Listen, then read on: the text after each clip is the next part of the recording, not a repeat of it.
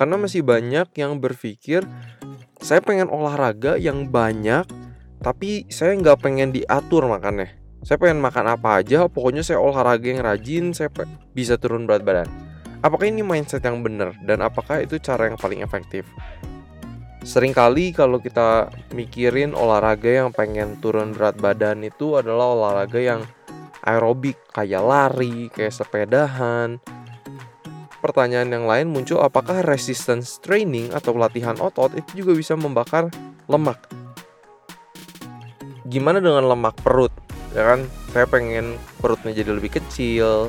Mungkin yang perlu kita mengerti dulu itu tuh ada dua jenis lemak. Satu visceral fat, satu lagi subcutaneous fat.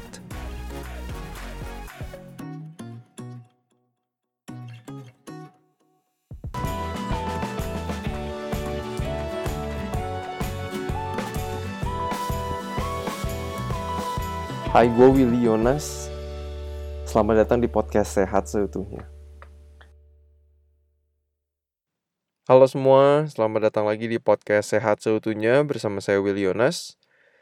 Kita sudah sampai di part 4 dari podcast soal turun berat badan. Seperti yang saya janjikan, kita akan ngomongin soal olahraga. Apakah olahraga bisa membantu penurunan berat badan? Tapi yang kita akan bahas juga adalah apakah olahraga tambah perubahan pola makan itu lebih efektif? Karena masih banyak yang berpikir saya pengen olahraga yang banyak, tapi saya nggak pengen diatur makannya. Saya pengen makan apa aja, pokoknya saya olahraga yang rajin, saya bisa turun berat badan. Apakah ini mindset yang benar dan apakah itu cara yang paling efektif?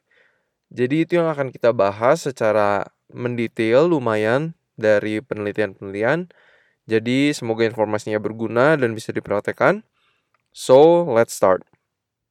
Yang pertama itu kita mau lihat apakah perubahan pola makan aja efektif atau exercise saja itu cukup efektif atau perubahan pola makan dan ditambah exercise itu adalah yang paling efektif. Jadi penelitian yang pertama itu datang dari Silver Spring, Maryland. Penelitiannya di tahun 2012. Mereka ini merekrut perempuan-perempuan yang overweight dan obesitas. Ya, terus mereka coba melakukan penelitiannya selama satu tahun. Jadi Kelompok yang pertama, perempuan-perempuan ini yang overweight dan juga obesitas, grup yang pertama itu disuruh cuman ganti pola makan aja. Grup yang kedua cuman exercise aja. Grup yang ketiga itu ganti pola makan ditambah exercise. Lalu grup yang keempat itu nggak ngelakuin apa-apa. Ya jadi dibagi empat grup dan setelah satu tahun mereka mempraktekkan ini, mereka melihat orang-orang yang merubah pola makan saja berkurang 8,5% berat badannya dari berat badan awal. Yang exercise saja itu berkurangnya 2,4% dari berat badan awal. Sedangkan yang berubah pola makannya dan tambah exercise itu pengurangannya adalah 10,8%. Dan buat grup yang terakhir yang gak ngapa-ngapain berat badannya cuma berkurang 0,8%. Dan dari hasil penelitian ini dan banyak penelitian yang lainnya membuktikan dan melihat bahwa ketika pola makan dicampur dengan exercise itu adalah hal yang paling efektif untuk penurunan berat badan. Ditambah kalau misalnya kayak minggu lalu yang kita omongin ditambah intermittent fasting, ditambah makan pagi sebagai makanan yang paling besar, makan malam makanan yang paling kecil, udah gitu tambah whole food plant based diet, ini bisa efektif banget. Nah, penelitian ini juga menunjukkan kalau exercise saja seperti yang banyak orang berpikir, ya kita cuma pengen exercise saja, makanannya nggak nggak mau diatur, itu berat badannya penurunannya nggak banyak. Satu tahun itu cuma berkurang 2,4% dari berat badan awal. Dan ini tuh yang sudah dikatakan oleh American College of Sport Medicine, ya.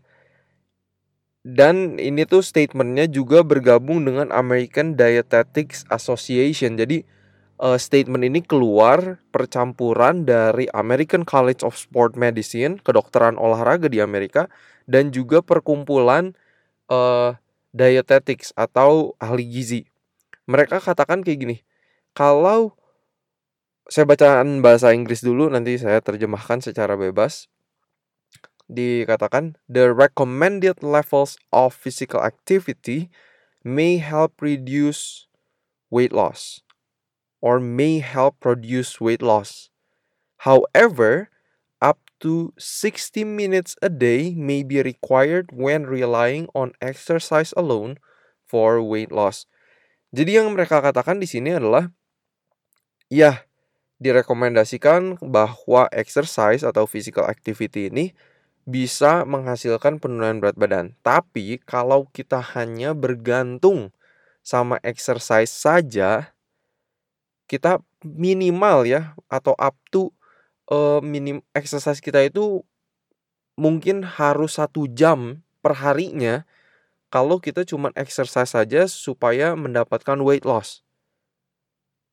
Oke, jadi tapi dipikir-pikir kayak wow, maksudnya cukup challenging gitu kalau orang yang punya waktu untuk exercise satu jam ya nggak apa-apa sih gitu kan.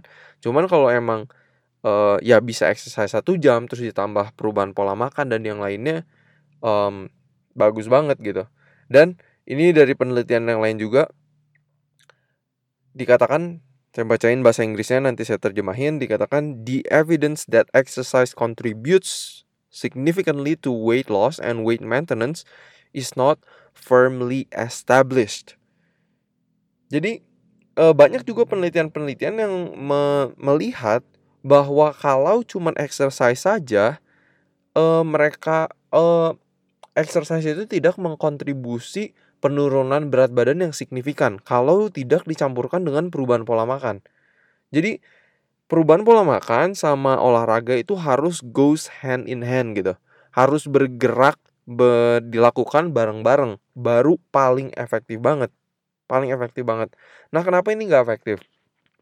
Contohnya ya, sebenarnya kayak berapa banyak sih kalori yang bisa kita bakar kalau kita lagi olahraga. Nah, ini sebenarnya ini pasti beda-beda tiap orang kecuali kalian punya jam tangan yang uh, kayak Garmin atau apa pun yang jam tangan olahraga. Tapi olahraga kira-kira kalian misalnya sepeda satu jam, berenang sekitar satu jam, itu tuh kira-kira cuma bakar 500 kalori. Lari 45 menit, main volley satu jam lebih kira-kira itu cuma 500 kalori. Dan kalau uh, teman-teman nyimak dari episode yang sebelum-sebelumnya, saya mention satu bungkus mie instan yang jumbo itu aja kalorinya udah 600. Jadi kalau misalnya kita berpikirnya pengen exercise untuk penurunan berat badan, exercise kita itu harus banyak banget sampai bisa achieve weight loss gitu. Jadi memang yang paling efektif sekali lagi teman-teman perubahan pola makan campur dengan exercise. Ya, campur dengan exercise. Jadi itu yang pertama yang saya mau bagiin ketika pola makan dan exercise dicampur itu adalah penurunan berat badan yang paling efektif. Sekarang yang kedua mungkin pertanyaan yang muncul adalah exercise macam apa atau tipe olahraga apa yang harus saya lakukan untuk mendapatkan penurunan berat badan. Seringkali kalau kita mikirin olahraga yang pengen turun berat badan itu adalah olahraga yang aerobik kayak lari, kayak sepedahan. Um, betul. Dan apakah misalnya pertanyaan yang lain muncul apakah resistance training atau latihan otot itu juga bisa membakar lemak? Ya. Cuman Oh ya, saya mau mention satu hal mungkin yang saya sering lihat sebenarnya kasihan banget sama orang-orang yang pengen turun berat badan. Kadang kayak lagi di gor, saya suka lihat orang-orang yang uh, pengen turun berat badan, terus lari pakai jaket-jaket parasut yang panas banget. Mereka pengen keringetan terus kayak gitu ya. Tapi sebenarnya menurut penelitian itu nggak benar. Itu bisa bikin kita dehidrasi, itu bisa bahaya. Dan sebenarnya pembakaran lemak itu paling efektif ketika kita itu exercise-nya di medium intensity. Jadi nggak terlalu intens nggak ter intensitasnya nggak terlalu tinggi tapi medium. Ya di situ pembakaran lemak biasanya paling maksimal kalau menurut penelitian yang saya udah baca. Jadi buat teman-teman yang pengen turun berat badan jangan deh lari pakai yang um, pakai jaket-jaket parasut itu tidak disarankan tidak disarankan kemarin juga saya baru lihat post soal itu dari BKOM BKOM itu badan olahraga di Indonesia, mereka post di Instagramnya mengingatkan juga harus hati-hati dengan jaket-jaket parasut ini. Nah, jadi exercise apa dong yang efektif? Dan kalau penelitian-penelitian yang saya udah bacain sejauh ini, yang efektif sebenarnya itu bisa kita kombinasi antara aerobik dan resistance training. Jadi, uh, ada olahraga aerobiknya kayak misalnya teman-teman ikut zumba dan lain-lain atau lari atau sepedahan tapi ada juga resistance trainingnya jadi kayak push up squat pull up eh, latihan otot perut itu juga penting gitu ada resistance trainingnya jadi kalau penelitian ini yang saya baca mereka coba eh, membandingkan mana sih yang paling efektif antara aerobik tambah resistance training atau resistance training saja atau aerobic training aja. Dan setelah 26 minggu penelitiannya mereka ngeliat penurunannya cukup mirip antara ketiga grupnya. Cuman mereka melihat justru malahan yang menarik orang-orang yang melakukan resistance training kayak pakai barbell, push up, squat dan lain-lain justru penurunan masa lemaknya itu paling banyak, paling besar justru cukup menarik gitu karena kadang mindset kita itu masih kalau mau turun berat badan itu harus aerobik training, harus lari ya, harus pedahan, harus zumba yang kayak gitu-gitu tapi sebenarnya resistance training, latihan otot itu juga bisa menurunkan lemak tubuh kita dan menurunkan berat badan kita. Mungkin saya pengen share ini aja supaya membuka wawasan kita kalau resistance training itu juga bisa membantu menurunkan berat badan dan menambah masa otot kita itu penting banget. Menambah masa otot kita itu penting banget. Jadi itu yang kedua, resistance training itu bisa menurunkan uh, berat badan, aerobic training juga bisa, kombinasi mereka juga bisa. Jadi bagus uh, kalau saran saya resistance training dilakukan, aerobic training dilakukan karena itu juga dua macam olahraga yang emang bagus buat kita manfaatnya uh, ada yang berbeda kayak aerobic training bagus buat paru-paru, buat jantung, peredaran darah dan lain-lain. Resistance training bagus untuk memadatkan tulang, untuk naikin imunitas tubuh kita juga, ya sama kayak aerobic training juga. Tapi kalau dua-duanya kita lakukan tuh bagus banget. Bagus banget. So, itu poin yang kedua. Pertanyaan yang ketiga mungkin yang banyak orang miliki adalah gimana dengan lemak perut? Ya kan, saya pengen perutnya jadi lebih kecil, uh, dan lain-lain gitu. Nah, mungkin yang perlu kita mengerti dulu di kalau perut kita buncit atau besar itu tuh ada dua jenis lemak. Satu lemak yang dikenal sama sebagai visceral fat, satu lagi subcutaneous fat. Nah, saya akan jelaskan apa bedanya. Visceral fat itu adalah lemak yang ada di rongga perut kita dan adanya di antara organ-organ. Oke. Nah, kalau subcutaneous fat itu adalah lemak yang ada di bawah kulit kita tapi bukan berada di di rongga perut kita. Nah, mungkin untuk sekedar knowledge juga buat kita, kalau menurut saya ini penting. Mana yang lebih bahaya? Yang bahaya itu adalah visceral fat karena lemaknya ini di antara organ-organ, di antara usus kita, di antara pankreas kita, di antara lambung dan lain-lain. Dan inilah yang bisa meningkatkan peradangan atau inflamasi di dalam tubuh kita. Ya dibilangnya low grade inflammation. Jadi eh, peradangannya tuh kecil tapi terus terjadi secara kronis, terus-menerus. Dan ini yang nyambung sama kayak hipertensi, sama penyakit jantung, sama kanker eh, payudara juga nyambung ada resikonya di situ, ada juga nyambung sama demensia, sama juga kanker usus besar dan itu nyambung banget gitu. Dan ini yang lebih bahaya. Jadi yang sebenarnya pengen kita ilangin banget sebenarnya visceral fat. Walaupun kalau misalnya teman-teman ada yang pengen six pack dan lain-lain, uh, subcutaneous fat juga lemak yang di bawah kulit itu um, perlu dihilangkan uh, juga gitu. Maksudnya bukan dihilangkan 100% cuman dikurangi juga gitu kan. Tapi kalau targetnya pengen turun berat badan sebenarnya yang lebih penting itu adalah visceral fat karena ini yang berhubungan sama penyakit-penyakit. Nah, kalau ngomongin soal uh, lemak di perut ya, orang sering mikirnya, oke, okay, gue harus sit up, gue harus sit up, gue harus sit up, ya. Nah, kita mau lihat nih, mau saya mau sharing beberapa penelitian soal sit up yang saya udah baca. Sebenarnya sit up aja itu efektif nggak sih? Untuk ngurangin lemak di perut kita.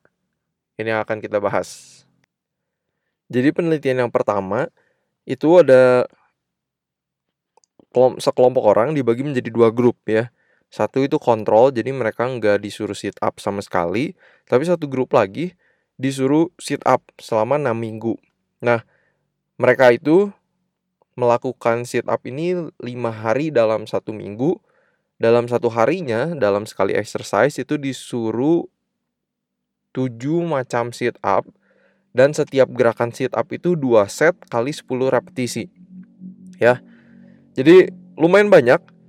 Jadi bisa dibilang e, mereka sit up itu atau melatih otot perut mereka itu 140 repetisi satu hari selama 6 minggu. Ya 5 hari seminggu juga. Nah, mereka melihat nggak ada perubahan yang signifikan di otot perut mereka. Kalau mereka cuman sit up aja. Jadi ini cukup menarik kayak kadang mungkin yang sering kita dengar dan percaya kayak oh ya sit up pokoknya sit up bisa ngurangin um, lemak di perut. Uh, belum tentu gitu kalau dari penelitian yang udah saya baca. Mungkin kalau misalnya sit upnya 500 kali, 1000 kali mungkin uh, lebih ada efeknya.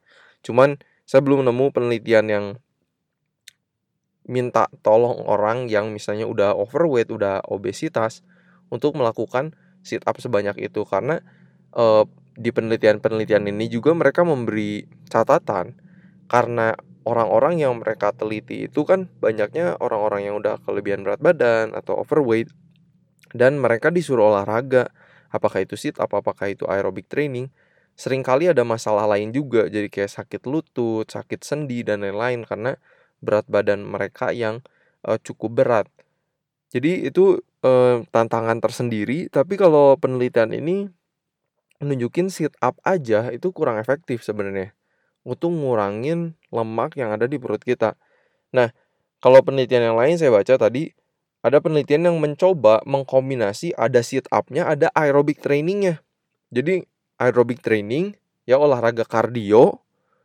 Udah gitu, terakhir setiap kali mereka olahraga ditutup sama latihan otot perut ya sit up dan macam-macam gerakannya dan mereka lakukan tiga kali seminggu cuma tiga kali seminggu nih sit up sama aerobic training selama 12 minggu mereka melihat penurunan mas uh, penurunan masa lemak yang signifikan di bagian perut jadi ketika aerobic exercise atau cardio exercise itu dicampur dengan latihan otot perut, ini yang efektif. Ya, jumlah lipatan lemak di perutnya juga berkurang ya dicatat di penelitian ini.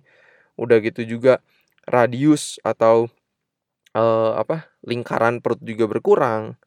Jadi ini cukup efektif.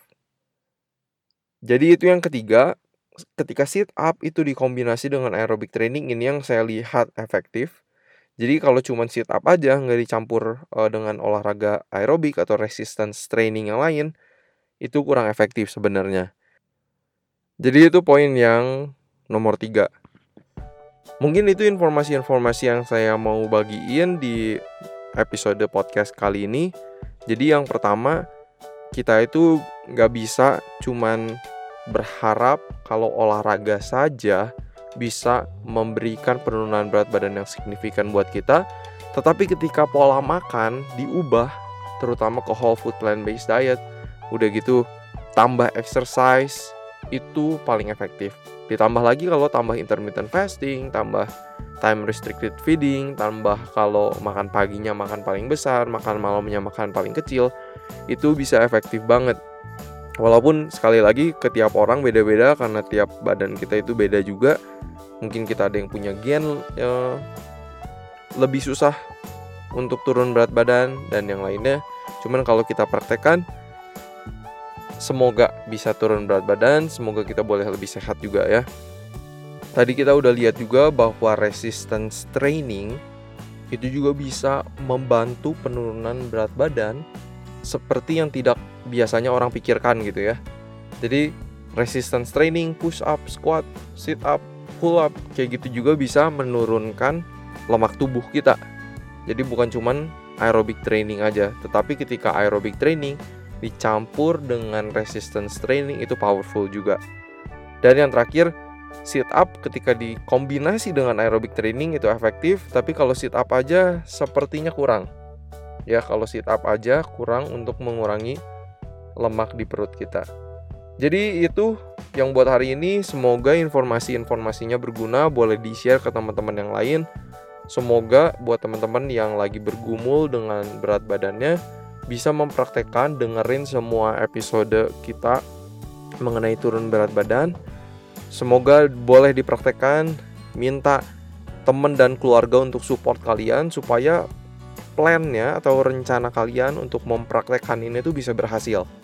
Ya lingkungan hidup kita itu sangat mempengaruhi dengan um, kebiasaan kita ngaruh banget kalau teman-teman kita orang tua kita keluarga kita itu suportif sama apa yang kita mau coba kemungkinan suksesnya itu tinggi tetapi kalau teman-temannya kayak kurang suportif kemungkinan gagalnya juga cukup tinggi.